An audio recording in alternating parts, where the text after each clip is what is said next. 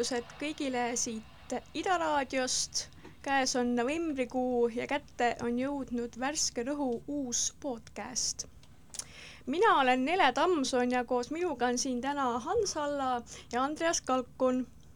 ja täna me räägime LGBT kirjandusest.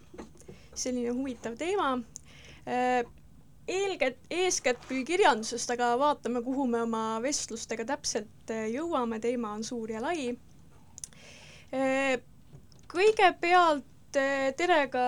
Hansule ja Andresele loomulikult. tere! tervist!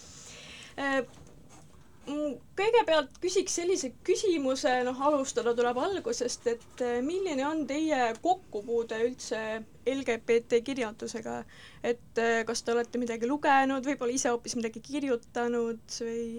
või kuidas? kes tahab, alustab, Andreas nojah, okei okay,, siis võin alustada. et ähm, siin tekib kohe see küsimus, mis see LGBT kirjandus on ja ja kirjanduse puhul on alati see, et äh, heal kirjandusteosel on erinevaid lugemisviise ja loomulikult siis äh, homoseksuaalne lugeja võib lugeda mingit teksti homoseksuaalsena, kui see ka ei ole homoseksuaalsena mõeldud või, või avalikult nagu sellena eksponeeritud äh,. Siis äh, mingis mõttes, kui äh, LGBT inimene loeb kirjandust, siis ta on võimeline kõik kirjanduse enda omaks tegema et see võib väga laiaks teema ajada loomulikult. mul on näiteks endal kogemus, et äh, kui, kui ma lugesin esimest korda äh, Viivi Luiga loo Ilu, siis äh, seal ei ole öeldud äh, nagu no eesti keeles mina ja sina, me ei saa aru, kas on mees või naine seal,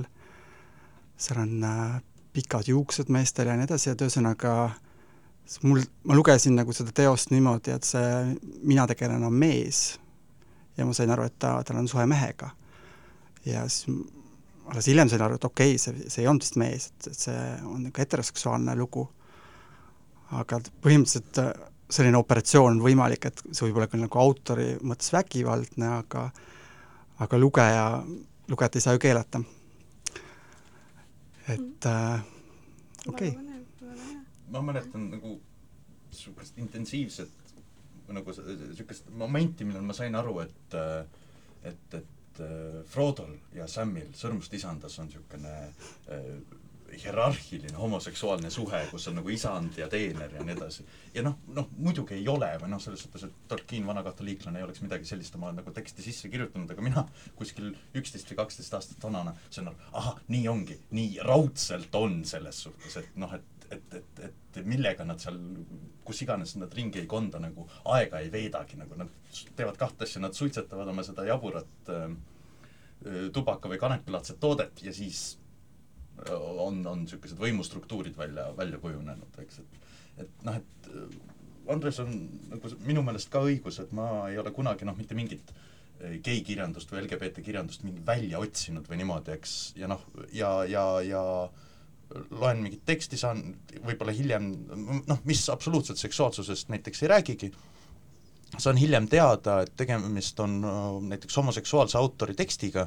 ja noh, see ei tee minu meelest asja geikirjanduseks, nagu, nagu võib teha jällegi geikirjanduse või noh, geikirjandust luua mainitud see konservatiivne katoliiklane, eks, ja noh, see on minu meelest palju intensiivsem nagu niisugune homoseksuaalsuse kunstiline kujutamine, aga noh, ma ise lõin selle, eks ju noh, lugedes, mitte, mitte mingit autorit äh,, mitte mingi autori äh, selle tagamõtte tõttu ei, ei ole see nii-öelda gei. vaid just noh, et, et, need asjad või noh, see küsimus, mis asi on geikirjandus, mis asi on LGBT kirjandus, et noh, et see on nii, no mul on nagu tunne, mitte et ma kirjandusteadusest või kirjanduse määratlustest mitte midagi absoluutselt teaks, aga et, et, et see on noh, niisugune noh, võimatu ülesanne, et paratamatult see kukub kokku, kui keegi üritab seda määratleda. et see ei ole noh, noh, niisama, niisama lihtsalt uuritav kui nagu romaani kui žanri ajalugu või midagi säärast, vaid see on noh, tunduvalt, kuidas öelda, noh,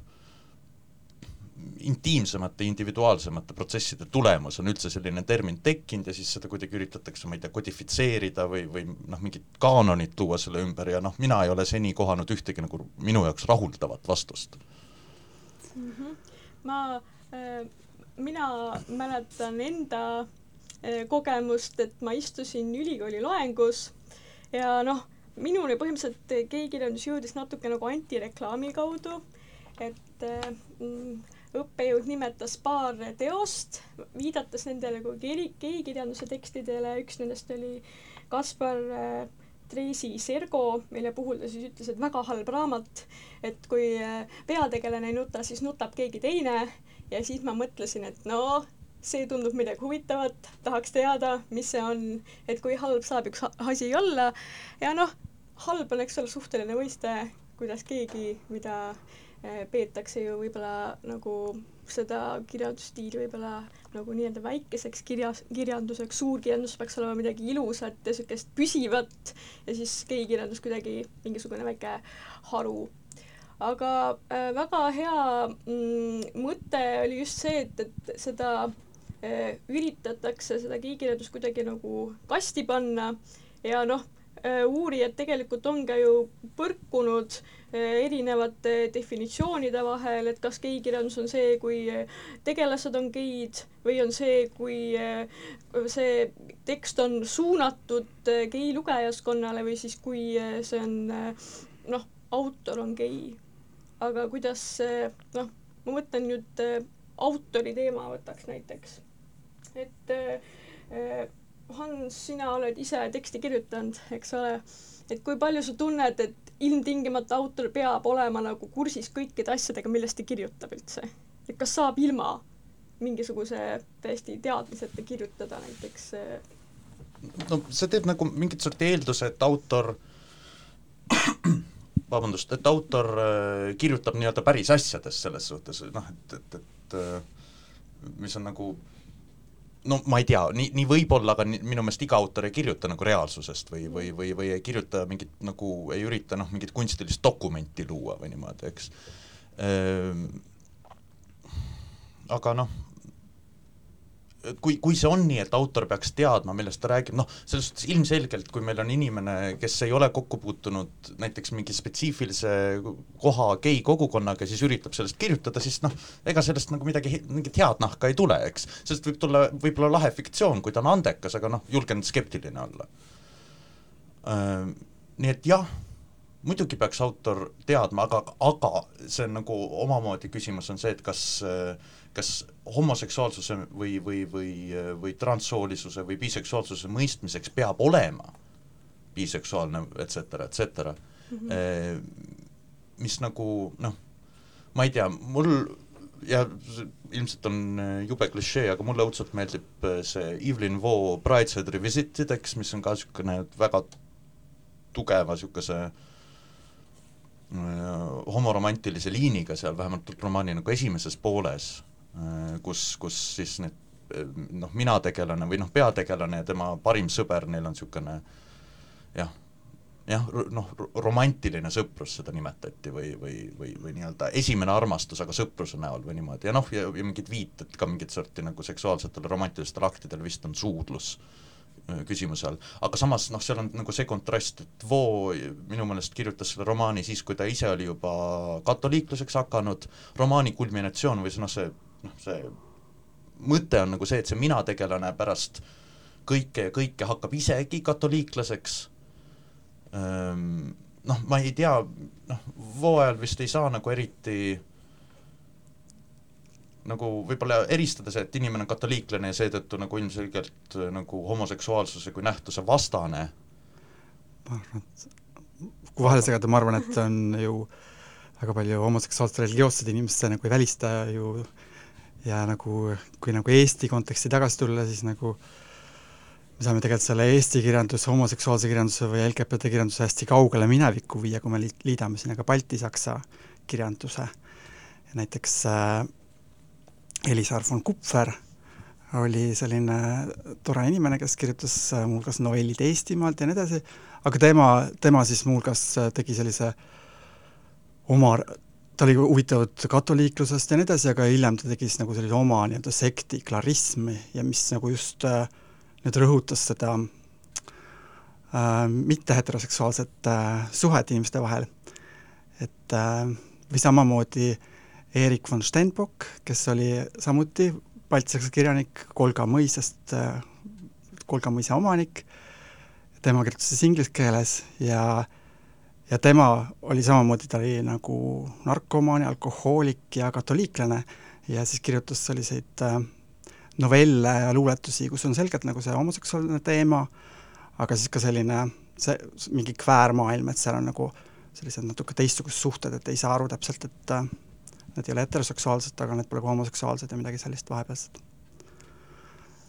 Aga proble-, problemaatiline natuke on ju ka see, et eh, noh, geikirjandus on see, mille autor on gei, siis see eeldab seda, et me teame kõiki, et need autorid on ise selgelt öelnud, et ma olen gei ja siis, aga kas kõik, mis nad siis toodavad, ütleme, nad kirjutavad lasteraamatu, kas me võtame seda nagu geikirjandust, et eh, kuidas seda nagu hinnata, et autor on ju noh, eraldiseisev, et ei pea ilmtingimata nagu see, ei, see ei ole mingi üks-ühele, et, et kui ma nüüd olen lesbi, ma kirjutan raamatu, ma ei tea, taimedest, et siis see on kohe nagu mingisugune lesbi taimeraamat, eks. Et loomulikult me ei pea ju auto, autori biograafiat siduma selle teosega, et see on nagu, see on võimalik, aga me ei pea seda tegema, et see teos ju iseenesest võib kõneleda ilma selle autorita. Mm.. aga noh, näiteks mulle tundub ka jabur näiteks, kui me äh, nüüd olles lugenud Ristikivi päevikut, kus on selgelt viide, et ta on homoseksuaalne, eks ju, et me siis äh, loeme tema romaane unustades, et ta oli homoseksuaalne inimene, et, et see kontekst on kindlasti oluline. ja noh, ma arvan samamoodi, et äh, Ristikivi lasteraamatud, see, see muide sellid, sellepärast ei ole homoseksuaalsed lasteraamatud, aga et äh, et kui mina lugejana näen, et Rooma päevik on täis homoseksuaalseid motiive või et siis, äh, või tema luuletused, et siis siis ma arvan, nii on, et see, või vähemalt mina, mina, kes ma olen nagu teravdatud pilguga vaadanud seda teemat, siis ma suudan neid nä näha seal. väga huvitav näiteks on Eesti kirjanduses ka see, et kui näiteks lugeda mingisuguseid äh, tekste, kus siis noh, nagu ütlesid, et väga selgelt on mingisugused homoseksuaalsed viited, siis äh, üldiselt pigem tehakse nendest raamatutest midagi muud, noh näiteks, et see on klubiromaan või mingisugune linnaromaan, aga seda, et see nagu mingisugune gei teema on see nagu millegipärast salatakse maha, miks, miks te arvate, miks võiks nii olla? oo oh, üllatust, et et me elame sellises maailmas, mis on nagu heteronormatiivne ja loomulikult kui Kristjan Jaak Peterson kirjutas äh, luuletusse, armastusluuletusse Alole äh,, siis loomulikult see normaalne tõlgendus on, et see oli tol ajal kombeks niimoodi ja ta üritas Kreeka luuletajaid matkida, aga et ta kindlasti ei olnud homoseksuaalne. kuigi meil tegelikult ei ole mingit äh, kindlat fakti ju selle kohta, kas ta oli homoseksuaalne või heteroseksuaalne, aga aga see kirjandusteaduslik lugu nagu äh, välistab selle, et ta võis olla homoseksuaalne. mina muidugi ei välistaks, et mina loen loomulikult seda Alole luuletust kui selgelt homoseksuaalset luuletust Eesti luuletuse ja eesti kirjanduse alguses ehk siis põhimõtteliselt eh, noh, võiks öelda, et LGBT teksti teeb lugeja. Hans, kuidas tundub? jah, no muidugi, selles suhtes, et autor on noh, nagu suht-, noh, see on ju see, et noh, et see teine, noh, et kirjandus on kaheosaline nagu loomisprotsess või niimoodi, et esimene loomemoment on see, kui tekst läheb paberile, teine loomemoment on see, kui silmad loevad teksti, eks. ja noh, ausalt öelda nagu isiklik kogemus ütleb ju, et, et, et see teine on tunduvalt nii-öelda mõjukam. kui me noh, peame nagu kirjanduse mõjuks seda, et kuidas inimesed reageerivad teosele või kunsti mõjuks seda, siis see teine osa, see teine akt on, on, on mõjusam või tugevam akt. et noh, et, et, et, et võib-olla võib-olla see nii-öelda see teksti kväärsus kuigi see sõna on jube, aga noh, see selleks, see teksti kväärsus on, tekib just sellest, et kui noh, kui, kui teksti saab kvä-, kväärilt lugeda nii-öelda, mitte, mitte niivõrd, kuivõrd noh, selles suhtes, et ma olen sattunud mingite tekstide ja asjade peale viidata muidugi ei oska peast, aga et, et, et kus inimes-, saavutatakse, proovitakse saavutada, et nüüd ma kirjutan midagi nagu geid või midagi kvääri või niimoodi, absoluutselt ei huvita, noh, nagu noh, on proovitud noh, mingid umbes nagu mingi jutupunktida nagu paika seadma järjest, peab olema see element, peab olema see element ja siis peab olema niisugune element, peab olema reet-, mis iganes nagu selles suhtes, eks. tuletab meelde natuke nagu oli see, kui USA-s kehtis veel see Heisi koodeks enne reitingusüsteemi, see on filmis siis, eks, et, et äh, oli, oli niisugune ette nähtud asi, et kui kujutatakse, või noh, filmil oli ette nähtud reegel, et kui kujutatakse homoseksuaalset tegelast, siis äh, temaga peab juhtuma, või noh, tal peab olema õnnetu lõpp või niimoodi, minu meelest nagu enam-vähem samaväärne, et kujutatakse, ma ei tea, transsoolist tegelast ja siis temaga peavad juhtuma sellised ja sellised asjad, eks. Noh, et see on nagu nii milleks või noh, kellele sellist kirjandust vaja on või niimoodi üldse ei ole huvitav mm. -hmm. see on tõesti väga huvitav kõik lõpetavad kuskil, kuskil põhjas, keegi sureb ära ja midagi mm, -hmm. midagi juhtub. aga mm, mõtleme natuke selle lugejaskonna teema peale ka. et eh, kas ei tundu natuke nagu eh, kuidagi kitsendav see, et me ütleme nüüd, et kirjutasime teksti, selle lugejaskond peab olema LGBT, teised ei või, et kuidas seda nagu üldse hinnata või et kuidas me saame, paneme nagu mingi märgi peale raamatukogus, et selle raamatu saab võtta ainult mingisugune kindel inimene, et ma võitleks muidugi, et siinkohal tegemist ei ole niivõrd-kuivõrd isegi nagu mingi kirjandusteadusliku määratlusega, vaid pigem äh, turundusküsimusega, sellepärast et see on turg ju äh,, kirjutasime raamatu neile, teate, neile sooverdjatele, las nad loevad, eks. või noh, vahet pole, kuidas nagu, aga noh, mõte on nagu selles, et, et, et kuidas see suhtumine alguse saab, aga kui sa nimetad romaani geiromaaniks või siis see on noh, väga konkreetne turunduslik või niisugune kuvandi ku,, kuvandi valik eks. Ongi soov nagu saavutada, et minna, minna sellele turule, näiteks kujutad romaani esikaanel siis ma ei tea, vikerkaare värvides südant. Või noh, mida iganes, no selliseid asju on igal pool nagu selles suhtes, eks. Mm. -hmm muidugi äh, Eesti kirjandus on nii väike ja marginaalne, et äh, et meil ei ole selliseid väga spetsiifilisi lahtreid, et umbes, et romaanid vanadele naistele või romaanid sellele, sellele fetišile või sellele, sellele identiteedile. ja mingis mõttes see Eesti kirjandus äh, selles mõttes on huvitav, et nagu näiteks ju tõus-, tõesti nagu kaanonisse on tõstetud küllaltki palju ikkagi homoseksuaalseid te teoseid, et no pole võimalik rääkida nagu äh, siis sajandi lõpu kirjandust, kui me ei räägi Õnnepalu piiririigist, on ju, või mis iganes tõesti see Kristin Jaak-Peterson kirjanduse alguses ja, Ristikivi, et nagu noh, et see, see on kogu see läbiv joon, kuigi on iseasi, kas, kas me seda räägime niimoodi homoseksuaalsena, et me ju teame, et et kui äh, Piiririik ilmus, siis tegelikult ka mõned äh, arvustajad olid ka segaduses, et, et kes, kellest räägitakse, kas, kas seal on tõesti see teema ka sees, et nagu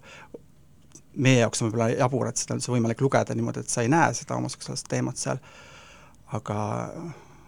kui sa oled sellise harjumatu silmaga või sa ei, ei oska seda näha, seda teemat, siis sa ei pruugi seda nähagi. Mm üks äh, huvitav asi, mida mina, kui ma olen mingite uurijate käsitlusi lugenud, on see, et äh, mm, selle LGBT kirjanduse puhul alati justkui toonitatakse selle mingisugust sellist äh, vajalikkust, et noh, see aitab inimestel homofoobiast üle saada või et see on kuidagi need, need, kes ei ole veel eh, täpselt aru saanud oma sättumustest, et need hakkavad mõistma paremini kõike, et eh, samas muu kirjanduse puhul, et noh, meil on näiteks armastusromaan, keegi ei küsi, et miks meil seda armastusromaani vaja on, lihtsalt see on, aga miks miskipärast LGBT kirjandus alati peab olema mingisugune natuke nagu pedagoogiline, et millest see võiks? No võib-olla see on lihtsalt see mingi vähemuse aktivismi ideoloogia, et umbes, et et kui meil on nüüd kirjanik, kes julgeb olla homoseksuaalne kirjanik, et, et ta siis peabki kirjutama sellele kogukonnale midagi, mis nagu seda jõustaks, seda kogukonda või või esitaks seda kogukonda siis sellele laiemale maailmale sellisena, et see oleks söödav või mingi, aga aga noh, ma arvan, et Eestis ju nii spetsiifiliselt äh, asjaga ei tegele, tegeleta, et lihtsalt meil on õnn, et meil on häid kirjanikke, kes, kes on millegipärast tundnud huvi selle imeliku teema vastu. Hans, on midagi lisada? nojah, selles suhtes, et see nii-öelda see pedagoogilisus või niimoodi, see on, johtub ju mingist poliitilisest reaalsusest, selles suhtes, et tegemist ei ole mingi kunstilise küsimusega, et LGBT kirjandus peab olema ekstra õpetlik ja hariv. Äh, aga noh, ja muidugi Eestis ei saagi nagu sellist piiri, noh seda piiri tõmmata kuidagi, sellepärast et see keel on nii kohutavalt tilluke. Aga, aga noh, ma mingis mõttes ise olen noh, arutledes äh, siis teiste LGBT inimestega nagu olen tajunud teatavat suhtumist, et sellist asja võiks eesti keeles olla, niisugust programmilist ma ei tea, hariduslikku romaani või niimoodi, mille nagu suhtumine on nagu selles suhtes nagu naljakas, et et nüüd me lähme ja valgustame rahvast, eks, ja me ütleme, kuidas asjad on. aga noh, samas ei saa ju kindlasti või ei saa kohe kuidagi noh, eitada ka seda, et, et, et noh, kunst on nagu ääretult hea propagandavahend või ääretult nagu tugev poliitiline tööriist, aga lihtsalt noh, see, ja see on nüüd nagu väga isiklik arvamus, aga selle niisuguse peale sunnitud või, või niisuguse programmilise pedagoogilisusega ei, ei veena nagu kedagi ära. Nojah, ja siis isegi, kui me tegelikult ootame lihtsalt head kirjandust või head romaani, siis siis ma olen ikkagi pettunud, kui Andrus Kosemaa kirjutab romaani ja mina tegelen naine näiteks, eks ju, et ma ikka et ma nagu automaatselt ootan, et ta kirjutaks homoseksuaalset lugu mulle veel kord ja veel kord. aga oleme jõudnud äh, sinnamaani, et teeks ühe väikese muusikalise pausi ja lähme siis pärast seda oma vestlusega edasi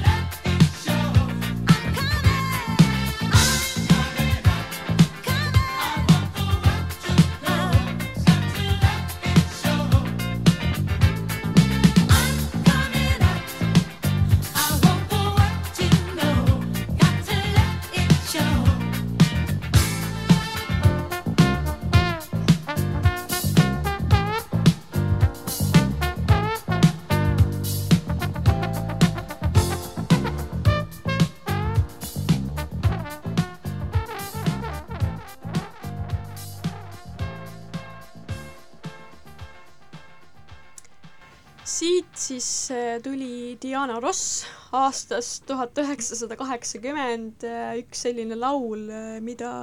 on peetud äh, LGBT hümniks koos pika nimekirjaga tegelikult teistest lauludest. et eks muusika kaudu ilmselt tuleb neid LGBT mingisuguseid siukseid stereotüüpe ka palju edasi et äh, kas, kui ma ütlen teile mingisuguse ühesuguse mingi, öelge üks LGBT laul, kas tuleb mingi mõte kohe, mis oleks esimene, mis nagu turgataks pähe?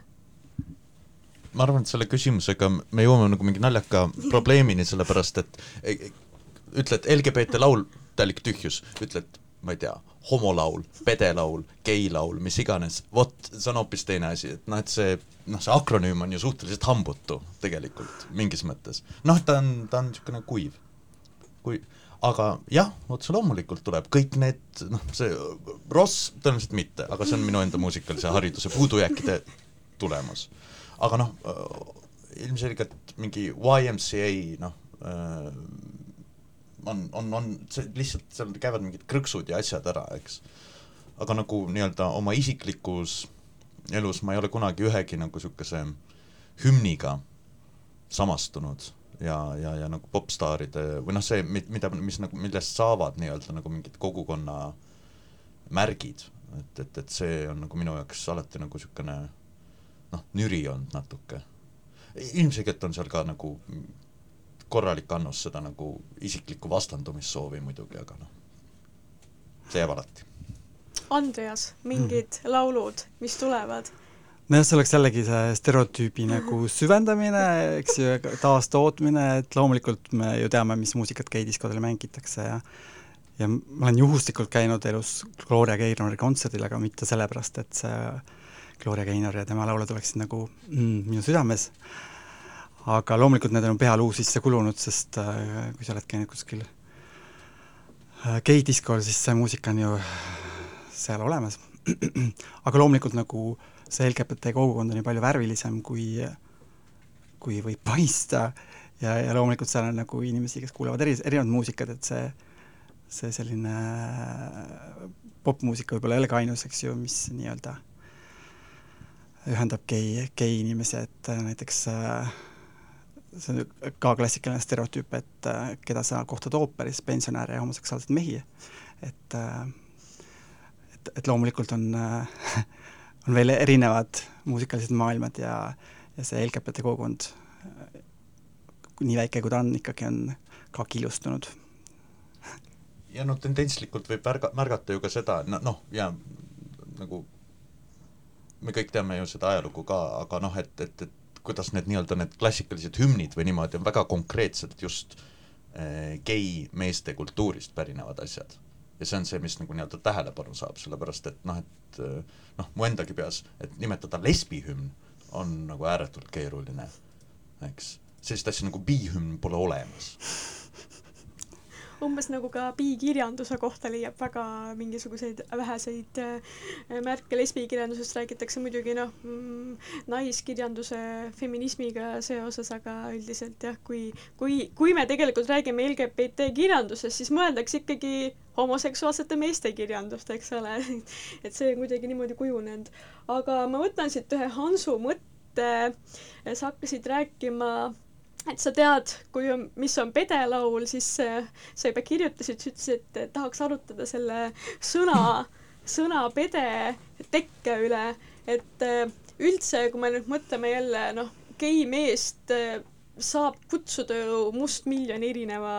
äh, erineval viisil, kui me ütleme lesbi, siis on lesbi ja kogu lugu väga, väga ei arenda, aga noh, gei, homo, pede, kõigil on mingisugune selline omaette tähendus et äh, mõtlesid vahepeal välja, kust või miks, miks? ei no tähendab, selle, noh, mul on nagu mõnda aega olnud kahtlus ähm,, et noh, et, et, et probleem nii-öelda ja et noh, et ongi, et on kaks eraldi tegelikult kategooriat nii-öelda, kui, kui, kui, kui nagu arvata, et neid saab niimoodi jaotada, aga et, et on olemas homoseksuaalsus ja siis on olemas pedesus just mitte pederastia, vaid pedesus selle sõna nagu selles kõige nagu selles jõhkramas ja vastikumas formaadis, eks. et, et, et, et ja, ja noh, ja nende kahe erinevus seisnebki selles, et inimene võib olla heteroseksuaal ja ikkagi olla pede. sellepärast, et pede olemine ei ole tegelikult seotud otseselt nagu seksuaalse sättumusega, kuigi noh, vormiliselt jah, aga praktikas äh, on see valet moodi mees olemine.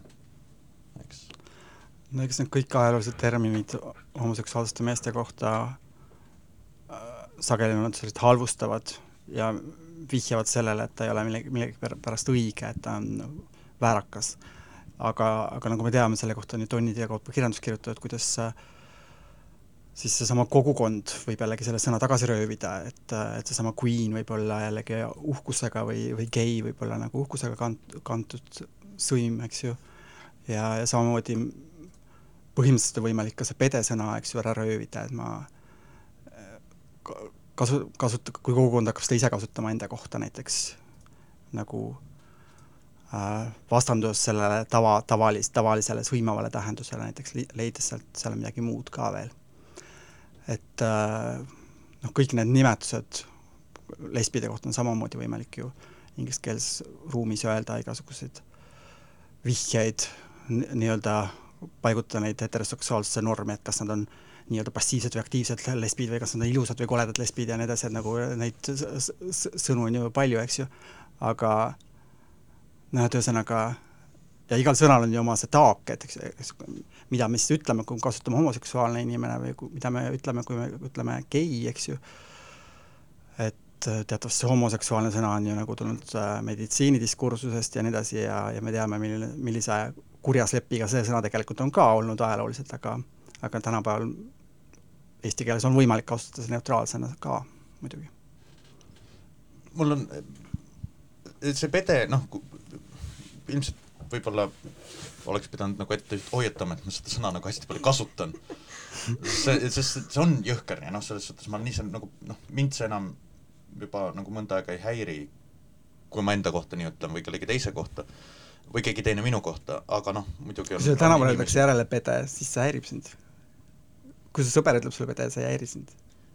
Äh, jah, mööndustega, sellepärast et noh, et kui keegi tänaval pede järele karjub ja on enam-vähem päevane aeg ja ma peksa ei saa, siis tuleb öelda jah, kallis, sinu jaoks kindlasti, eks. aga äh, noh, mul oli mingi olukord hiljuti, ma käisin Pärnus viinapoes, mitte nagu viinapoe pärast ma Pärnusse läksin, aga muuhulgas sattusin Pärnus viinapoodi, kus mult küsitakse, et miks sul küüned lakitud on. Ja siis ma ütlen, sest ma olen pede ja, ja see, see, see lahe on, no minu meelest on nagu, noh, minu jaoks oli hästi lahe see moment, kus selle sõna nagu see tõsiselt selline isegi nagu ropp ja solvav jõud, ma suutsin seda nagu noh, ümber pöörata või niimoodi. sellepärast, et noh, et selles suhtes sellel töllmakal jäi nagu suu lahti, eks, ja ma sain oma õllepudeli ära osta, eks, aga nagu eh, noh, et, et, et see see nii-öelda noh, endale võtmine, reclaim imine, eks, inglisekeelset sõna kasutades, et, et see on nagu noh, selles suhtes alati hästi keeruline, sellepärast et sinna jääb ju alati juurde see nagu kummalisus. sellepärast, et kui noh, enne sai mainitud seda sõna kväär, mis on niisugune nagu toorsobitus sõnast queer, eks, mis algselt või nagu noh, mõnda aega tahend-, aega taha-, mõnda aega tagasi tähendas imelikku lihtsalt või kummalist, harjumatut ja siis kuidagi peetakse ei oska viidata, kelle poolt, aga et see, et sinna sõnasse kväär võiks sisse jääda sõna väär just sellepärast, et noh, et viidata nagu mingit sorti olemuslikule, võib-olla mitte olemuslikule, aga mingit sorti nagu valesusele, mis sellega võib kaasneda või mingi aura, mingi oreool, noh. et, et, et ma, ma nagu ei tea, või noh, sellel ei ole ju nagu ühtse, ühtegi head lahendust, sellepärast et ei ole ühtegi positiivset sõna selle kohta, kas sa oled äh, Äh, gei mees, minu meelest on veel vähem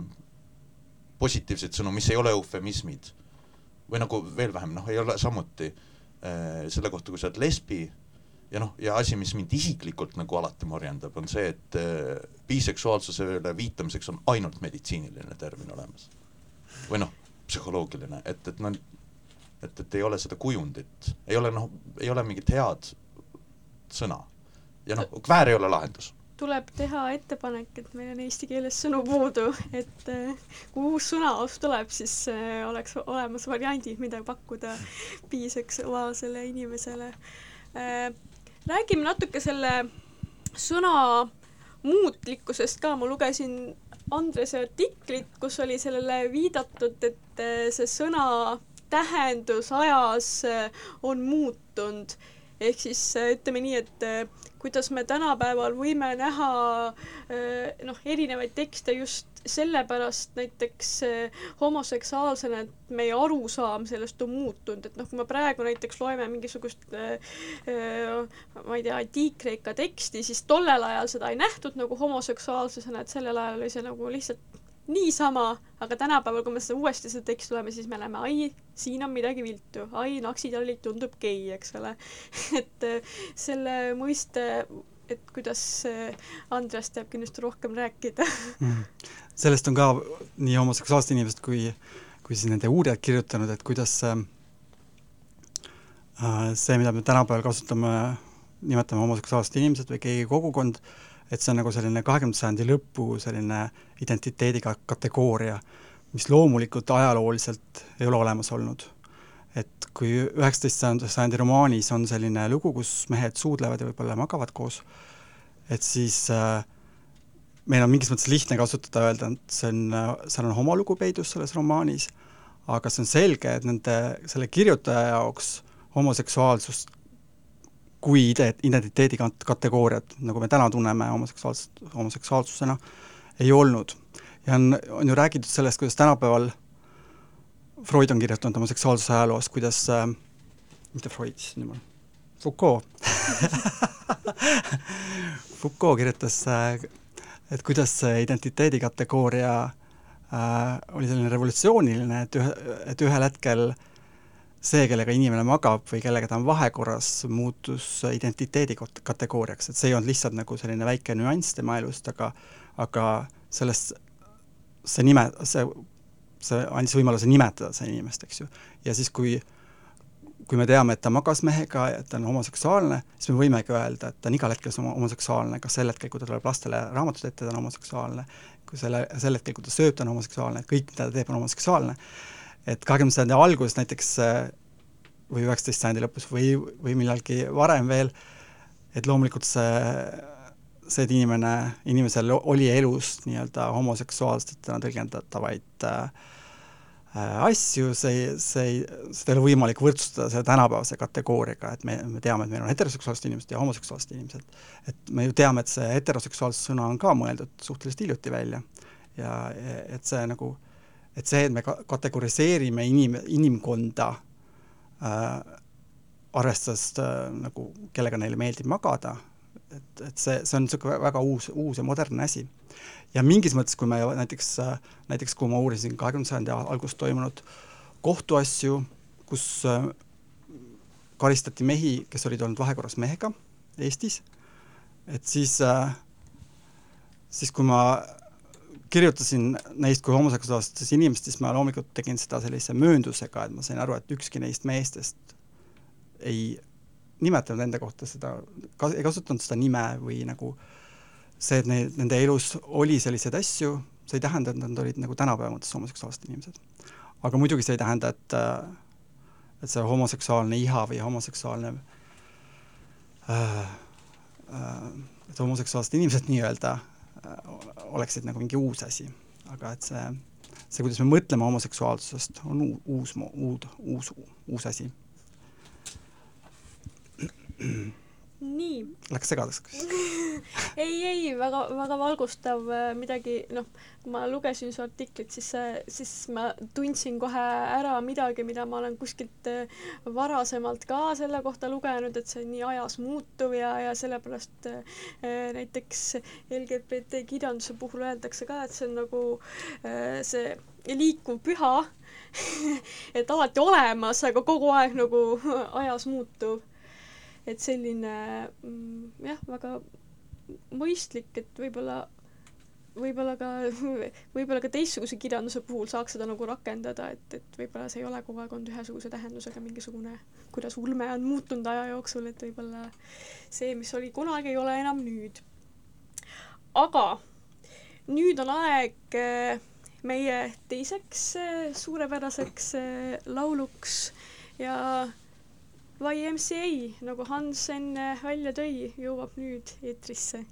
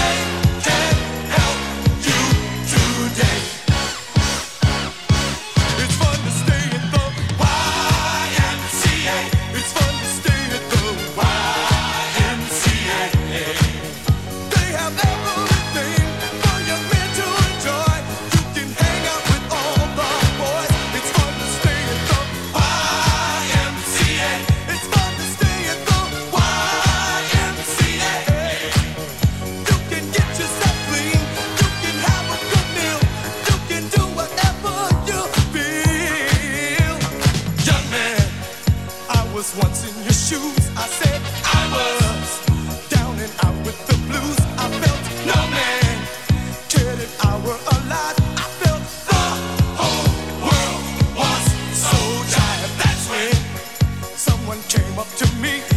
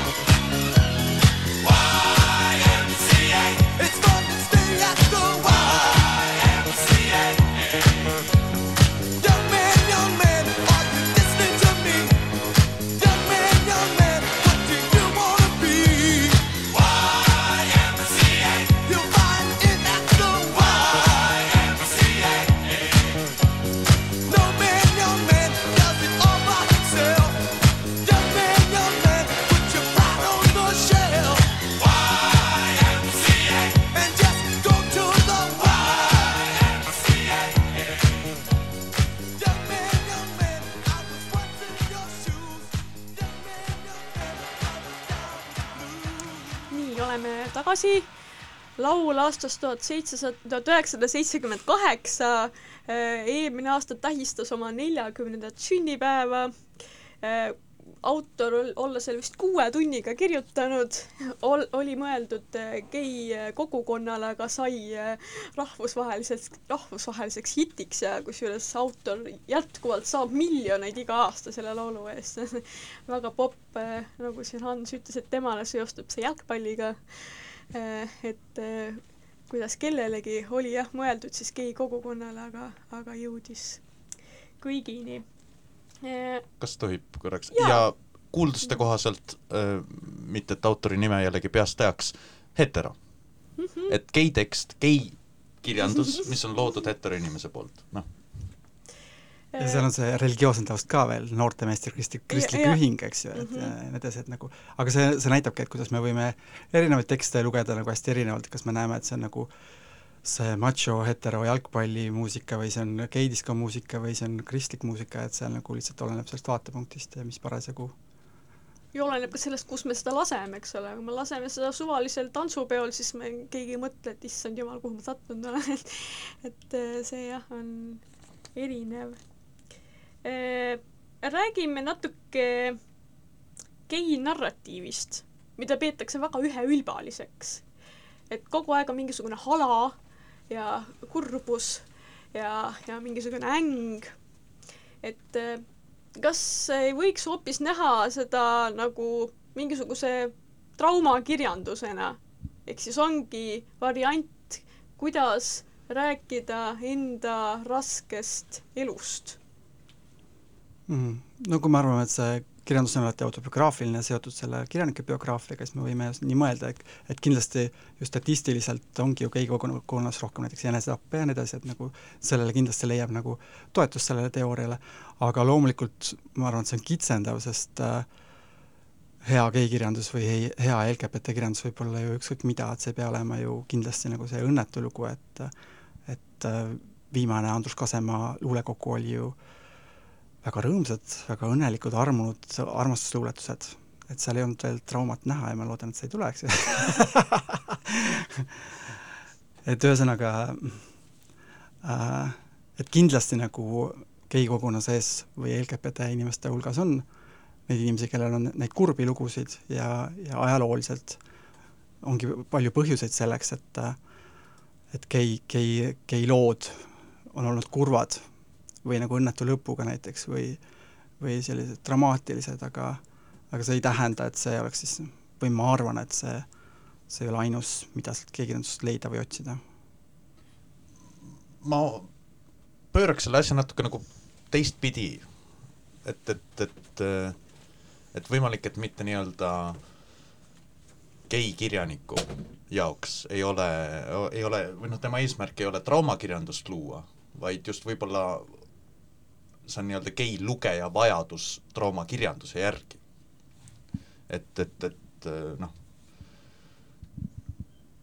mõtlev inimene on gei, tal on keeruline, tajub kogu seda asja, noh, ja, ja, ja just tähtis ongi see, et, et noh, et sa ei pea ju tegelikult otseselt ise mingi vägivalla oht-, ohvriks või mingit sorti väga nagu spetsiifiliselt sinule suunatud diskriminatsiooni ohvriks kunagi langema, et mitte, et nad ise seda tajuda, seda noh, seda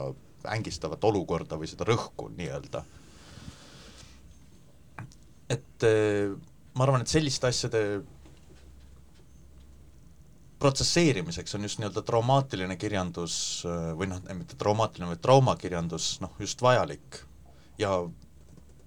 jällegi nišš ja pakkumine, et, et, et äh, kui on nagu kogukond, kes vajab sellist kirjandust ja siis selle kogukonna liikmed ka on ise kirjutajad, seega see võimalik, et see nagu see tekkimine,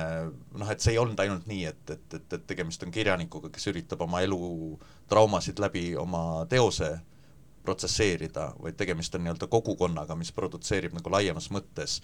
noh, nende traumade kirjeldusi või nende traumade, noh, arutleb nende traumade üle. Äh, huvitav on näiteks see, et üks äh, uurija on öelnud sellist asja, et noh, seda LGBT kirjandust äh,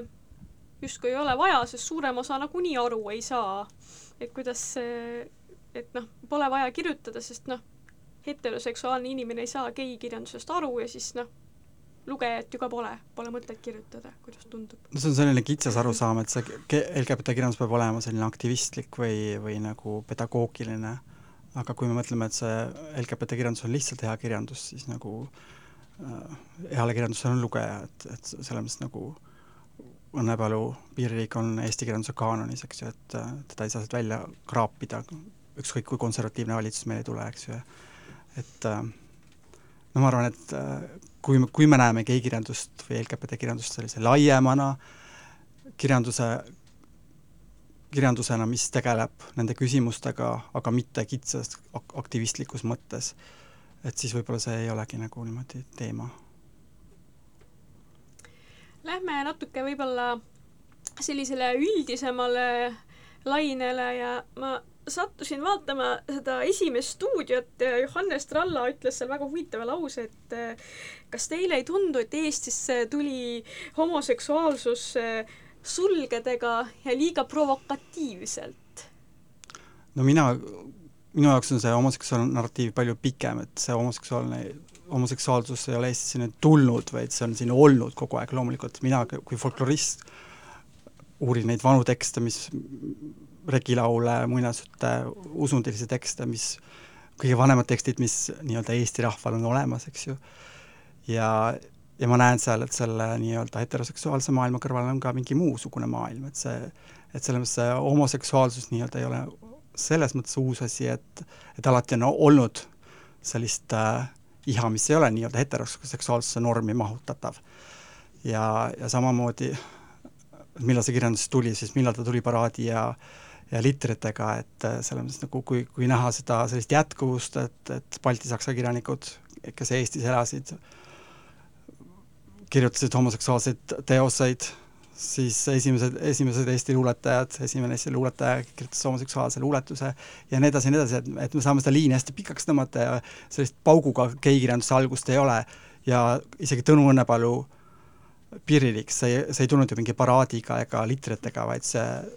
see tuli väga nagu tsiviliseeritud ja intelligentsel moel. Et selles mõttes, et see on nagu minu meelest väga nõmedalt öeldud, et geikirjandus tuli mingi pauguga ja nagu, et et äkki peaks nagu tagasi tõmbama, et mingisugust asja pole olnud. mina ei näe seda niimoodi ma arvan, et vaene tralla, noh, piinleb selle kuradi repliigi käes veel mõnda aega selles suhtes, eks. et, et noh, et ise oli loll ja mõtlematu ja ütles midagi sellist välja, aga noh, okei okay,, omad vitsad, eks. aga mm, noh, ma arvan, et ta tegelikult ju ei pea silmas homoseksuaalsust selles väites, vaid ta tegelikult peab silmas läänelikku geikultuuri või seda niisugust euroopalikku äh, mm, uhket, edevat pride äh, nojah, suled ja liiga provokatiivne. liiga on muidugi väga kummaline hinnang, mida ta teeb, mida ta ei põhjenda, absoluutselt. et, et, et äh, mis kriteeriumite järgi me seda liigat saame nagu äh, määratleda. ja noh, ma arvan, et kui ta nagu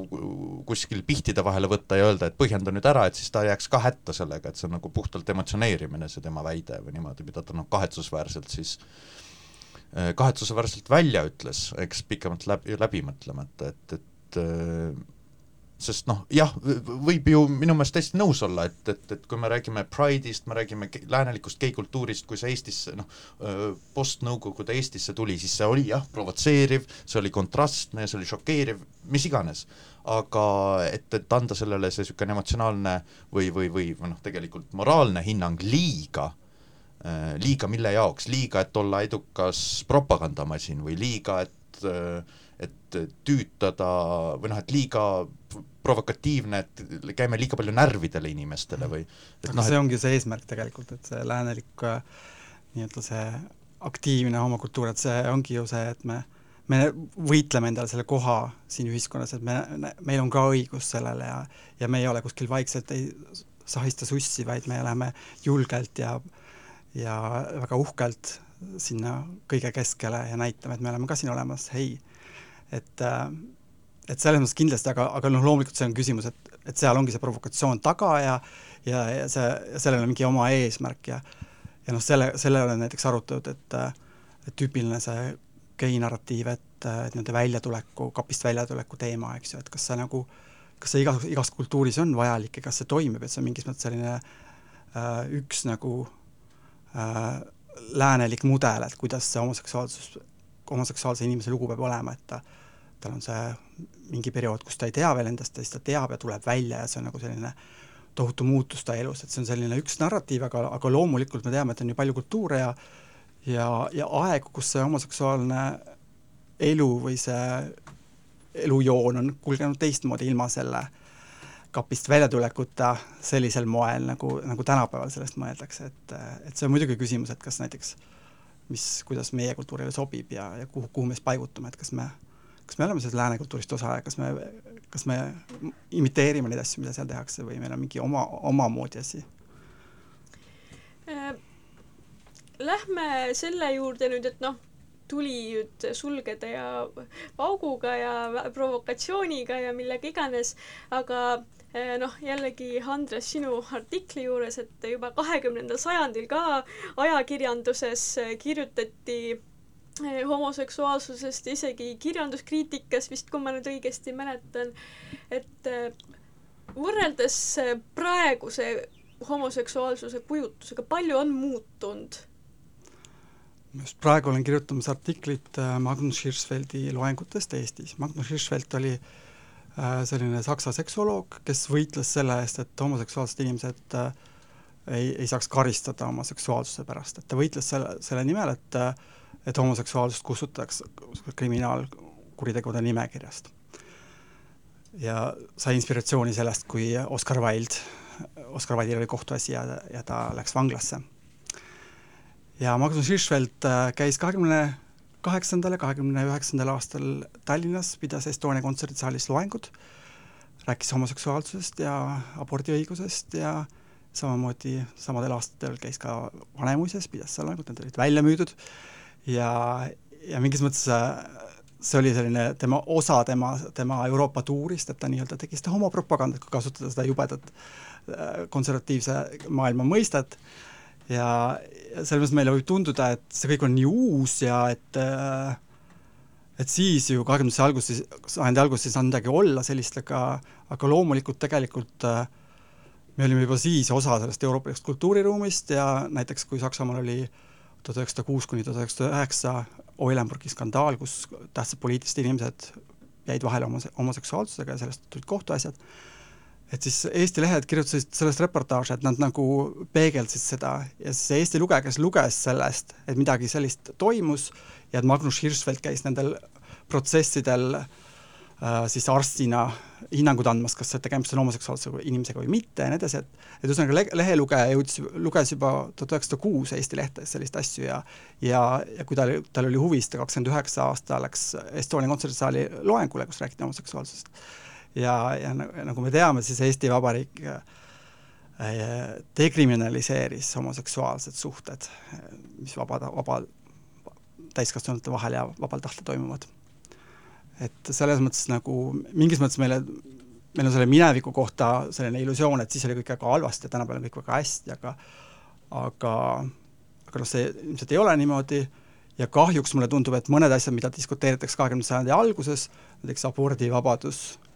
või, või see, et naised ja mehed on võrdsed või see, et homoseksuaalsed inimesed pole süüdi, et ne- neile meeldivad me- mehed meeste või naistega magada, eks ju,